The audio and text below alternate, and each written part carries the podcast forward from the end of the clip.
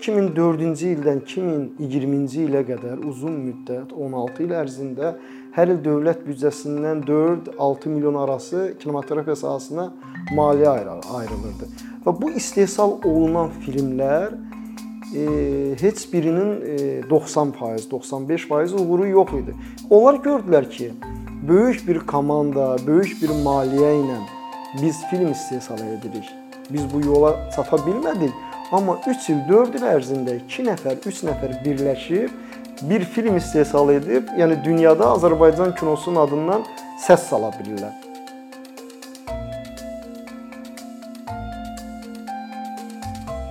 Müstəqil kino e, Azərbaycanda ilkin olaraq 2010-cu illərin ortalarından e, start götürməyə başladı. Bu vaxt e, dövlət sifarişi ilə filmlər istehsal olunurdu. E, bəzən adda budda kimlərsə e, film çəkirdi. Bu da daha çox e, biraz belə deyək də komediya, kommersiya və yaxud da televiziyadakı seriallardan çıxış edərək həmin serialların üslubunda filmlər olurdu, yəni bədii filmlər olurdu. Amma elə bir nəsil yetişdi ki, o nəsil artıq anladı ki, başa düşdü ki, indiyənə kimi Azərbaycan Film Kino Studiyası var idi. E, Mədəniyyət Nazirliyinin tərkibində kinematografiya şöbəsi var idi. Azərbaycanda kino e, sahəsini bunlar yönləndirirdi və onlarla işləmək, onların qaydaları ilə işləmək e, əsl istədikləri mövzuları, filmləri, ümumiyyətlə kinematografiyanı öz mövzularını ortaya qoya bilmirlər. Və buna görə internet Azərbaycanda artıq onlayn sistemi daha da gücləndi insanların xarici ilə əlaqələri, beynəlxalq əlaqələri e, inkişaf elədi və bunun nəticəsində e, anlaşıldı ki, yəni həmin insanlar tərəfindən sən demə e, başqa yolla getmək mümkündür və işlər görmək olar. Yəni nəinki deyinmək, belə deyək, uzun müddətli mübarizə aparmaq bu vaxt alır, həm kinematoqrafçının yaşını aparır, həm onun belə deyək stressə gətirib salır və o küsür gedir oturur hardasa. Çıxış yolu nə oldu? Çıxış yolu ilkin olaraq bu kinematoqrafçılar bir-birini tapdılar.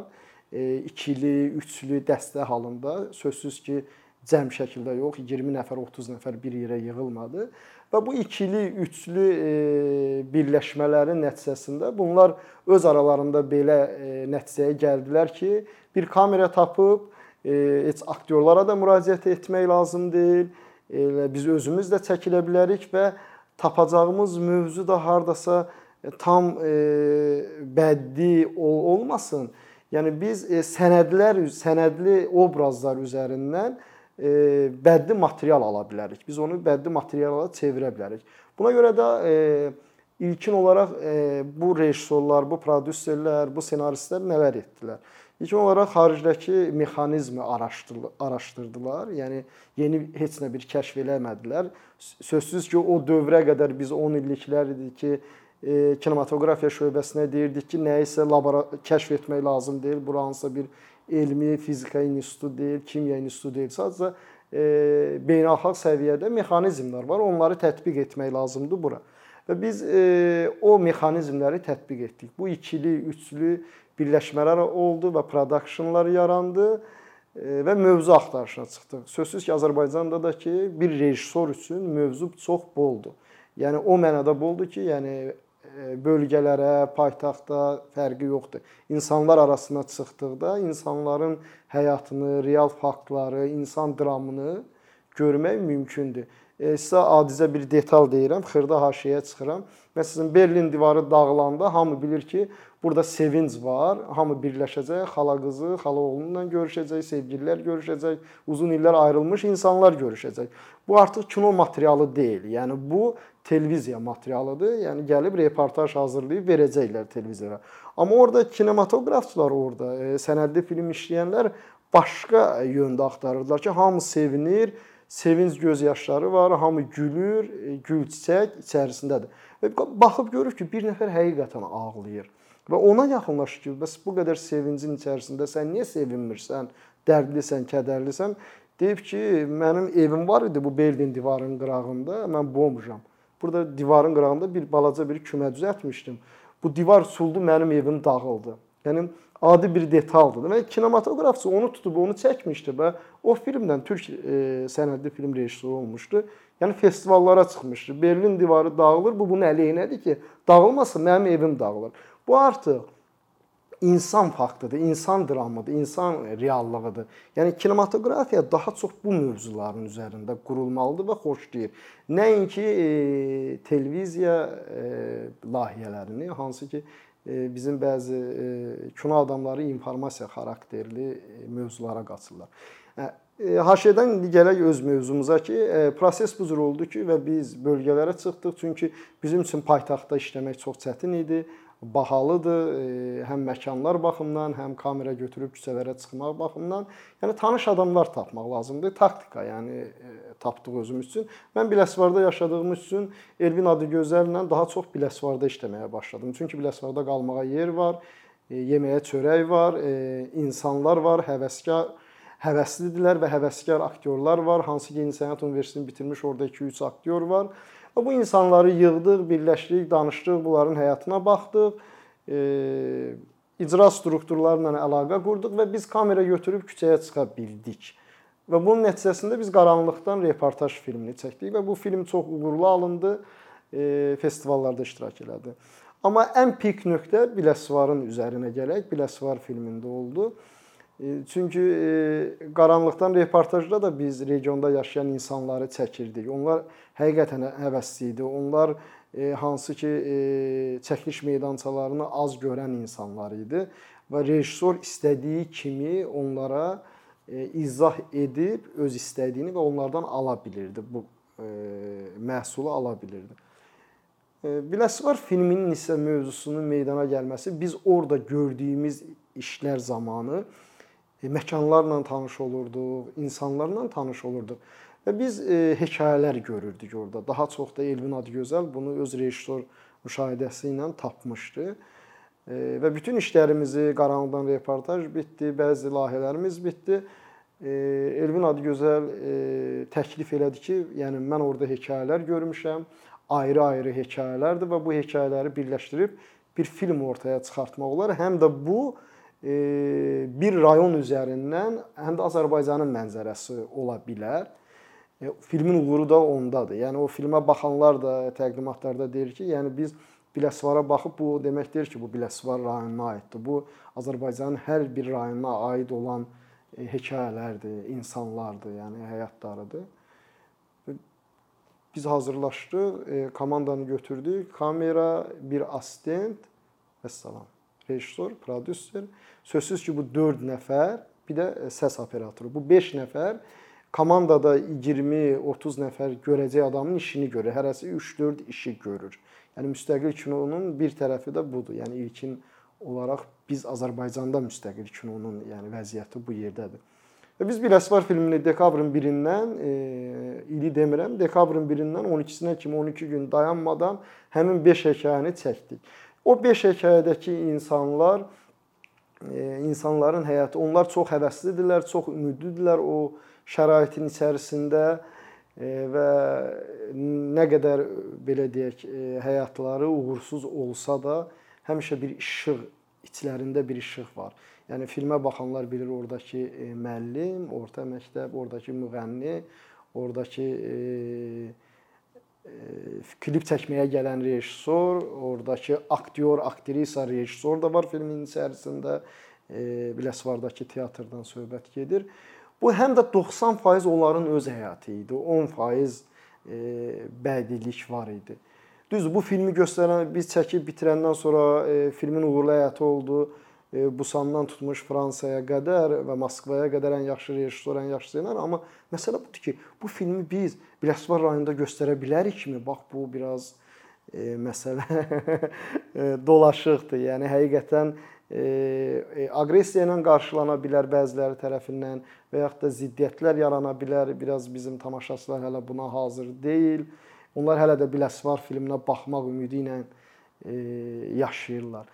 E, Biləsuvar filmi ümumiyyətlə müstəqil kinoya e, bunu öyrətdi ki, Azərbaycanda ki, yəni bu cür filmlər istehsal eləyib, e, özünü beynəlxalq səviyyədə image, karyera festivallarda və yaxud da IMDb-də kreditlər qazanıb. yəni xarici ölkələrlə beynəlxalq səviyyədə kino kompaniyalarla müştərək işləyə bilərsən və onlar özləri səndən maraqlanar. Çünki adını onlayn vurduqda sənin kim olduğunu artıq görürlər və nə iş gördüyünü görürlər. Bir də bizdə müstəqil kinonun vəziyyət budur deyə müstəqil kinonu bu cür anlayırıq. Amma beynəlxalq səviyyədə müstəqil kino deyəndə, kiçik büdcəli filmlər deyəndə onların büdcəsi də pulsuz deyil. Yəni onlar 100 min, 200 min büdcəyə, yəni minimum büdcə deyirlər. Yəni kiçik büdcədə. Bizdə isə müstəqil film deyəndə hə getdin, pulsuz hər şeyi çəkdin, aktyordan xahiş elədin, pulsuz çəkək çəkdik, operatordan xahiş, hamıdan xahiş elədik, getdik film çəkdik. Yəni bu tendensiya artıq yığışdırılmalıdır Azərbaycanda. Biz özümüz də bunun əleyhinəyik ki, heç olmasa film çəkəndə ilkin olaraq 50-60 min büdcə olsun ki, biz deyək ki, müstəqil film çəkirik E, kiçik büdcəli film çəkirik. Yəni 1000 manatla yola çıxmaq olmaz. Yəni bu bütün hallarda filmin hər bir nöqtəsinə təsir edir. Yəni o artıq ekranda biz onu görürük. E, və bütün bu proseslər, yəni Biləsuvar məsələsinə gəldikdə, yəni ki, danışırıq ki, həmin Biləsuvar filmindən, Biləsuvar filmində çəkilən e, insanlar, bu gün o insanlar e, özlərinə biz o filmi göstərmişik. Yəni Bakıda təqdimatı olub, Onlar gəliblər o filmə baxıblar. Bir ikisi düzdür, biraz e, onlarda bu bir e, yaxşı assosiasiya olmadı, amma sonradan anladılar ki, yəni əslində nə var e, ortadadır, yəni göstərilib. E, ondan sonra Biləsuvar filmindən sonra bəziləri elə bilirdilər ki, biz regionlarda, digər regionlarda da başlayırdıq film çəkməyə. Bəlkə həmin rayonun adı ilə çəkəcəyik, amma Filmin Biləsuvar adı olması bu rejissorun öz ideyasıdır. Filmə Biləsuvar adı qoyub. O da bayaq dediyim kimi onunla bağlıdır ki, e, yəni Azərbaycanın e, bir rayonun üzərindən Azərbaycana baxış e, deməkdir. Biləsuvar filminin uğuru təkcə Biləsuvar filminin uğuru yox, Biləsuvar filminə qədər Qaranlıqdan reportaj e, filminin uğuru və digər Elvin Adıgözəllə mən yox, e, digər e, kinematoqrafçılar da var idi ki, onlar da müstəqil kino ilə artıq son 3-4 ildə məşğul idilər. Yəni onun nəticəsi olaraq e, filmlərimiz Sarayevo Film Festivalında, hətta Venesiyaya belə gedib çıxdı. Yəni bu Azərbaycanda nəyin göstəricisi oldu və dövlət büdcəsi ilə ayrılan və istehsal olunan bir sahə var, kinematografiya sahəsi var. Onlar e, gördülər ki, və özləri də etiraf elədilər və bizə yaxınlaşdılar. Necə yaxınlaşdılar? Yəni artıq 2004-cü ildən 2020-ci ilə qədər uzun müddət 16 il ərzində hər il dövlət büdcəsindən 4-6 milyon arası kinematografiya sahəsinə maliyyə ayrılırdı. Və bu istehsal olunan filmlər e, heç birinin e, 90%, 95% uğuru yox idi. Filmlərin nə PR-ı, nə göstərilim, nümayişi, nə beynəlxalq festivallarda iştirakı. Amma onlar gördülər ki, böyük bir komanda, böyük bir maliyyə ilə biz film istehsal edirik. Biz bu yola çata bilmədik, amma 3 il, 4 il ərzində 2 nəfər, 3 nəfər birləşib bir film istehsal edib, yəni dünyada Azərbaycan kinosunun adından səs sala bilirlər. Yəni bu fərqi gördülər. Deməli burada onlar bu e, bunu fərqləndirdilər. Gördülər ki, burada məsələ maliyyə deyil, e, məsələ e, belə deyək, böyük avad texniki avadanlıqda deyil, məsələ deməli e, kadrdadır, məsələ e, kinonu bilən adamlardadır, məsələ həqiqətən kino üçün çalışan insanlardadır, kinonun qoxusunu bilən adamlardadır və həmin bu nəticə gətirib belə e, vəziyyətə gəlib çıxartdı ki, onlar öz e, qaydalarını dəyişdilər, idarə etmə formasını son zamanlar dəyişiblər. E, Azərbaycanda e, Mədəniyyət Nazirliyində kinematografiya şöbəsi ləğv olunub. E, ayrıca kino agentliyi yaradılıb. Azərbaycan Dövlət Kino Agentliyi yaradılıb. İndi hələlik onun rəhbərliyi olmalıdır, iş proqramı olmalıdır, nizamnaməsi olmalıdır və onlar bu müstəqil kinosu, kinoda çalışan adamlarla birliyə, yəni yaxınlaşdılar ki, biz sizə maliyyə də ayıra bilərik, plan filmin istehsalına, müştərək də işləyə bilərik. Yəni nəticə ona gətirib çıxartdı ki, müstəqil kino həm Azərbaycanda e, kino sahəsi, kino maliyyəsini cəmləşdiyi, kimin əlində cəmləşibsə, o mə ona məmurluq edən insanlar, onu idarə edən insanlar anladılar ki, yəni artıq sistem dəyişilməlidir. Müstəqil kino bizə öyrətdi ki, kino adamları ilə işləmək lazımdır, kinodakı sistemi dəyişmək lazımdır, beynəlxalq arena ilə əlaqələrə keçmək lazımdır, festivallara çıxmaq üçün müştərək işlərə getmək lazımdır. Bir qeyd eləyim, eləyim ki, müstəqil kinoda işləyənlər bir tələbi də var ki, Euroimaj deyilən Avropa Kino Fondu var ki, Azərbaycan ona üzv olmalıdır. Bu 2008-18-ci ildə dövlət proqramında da var, amma Azərbaycan hələ üzv olmayıb. Gürcüstan, Ermənistan olub və onlar Avropa ilə çox rahat şəkildə müştərək iş görə bilirlər. Və bir müstəqil kino bu məsələni bir daha bir addımlığına gətirib çıxartdı ki, artıq üzv olmağın e, vaxtıdır. Bütün cəmləsək nəticə buna gəlib çıxartdı ki, müstəqil kino Azərbaycanda kinonun inkişafına səbəb oldu və kinonun inkişafının e, başlanğıcına səbəb oldu.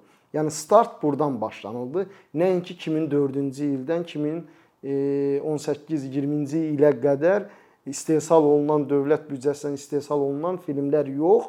Onların da düzdür, cüzi təsir oldu, amma 90% təsir bu e, müstəqil kino sahəsində çalışan rejissorlar, prodakşnlar və kino birlikləri var idi ki, onlar buna bir stimul oldu və bu günləri biz bir daha araşdırsaq, baxsaq, şahidi olacağıq ki, bu proses başlanılıb.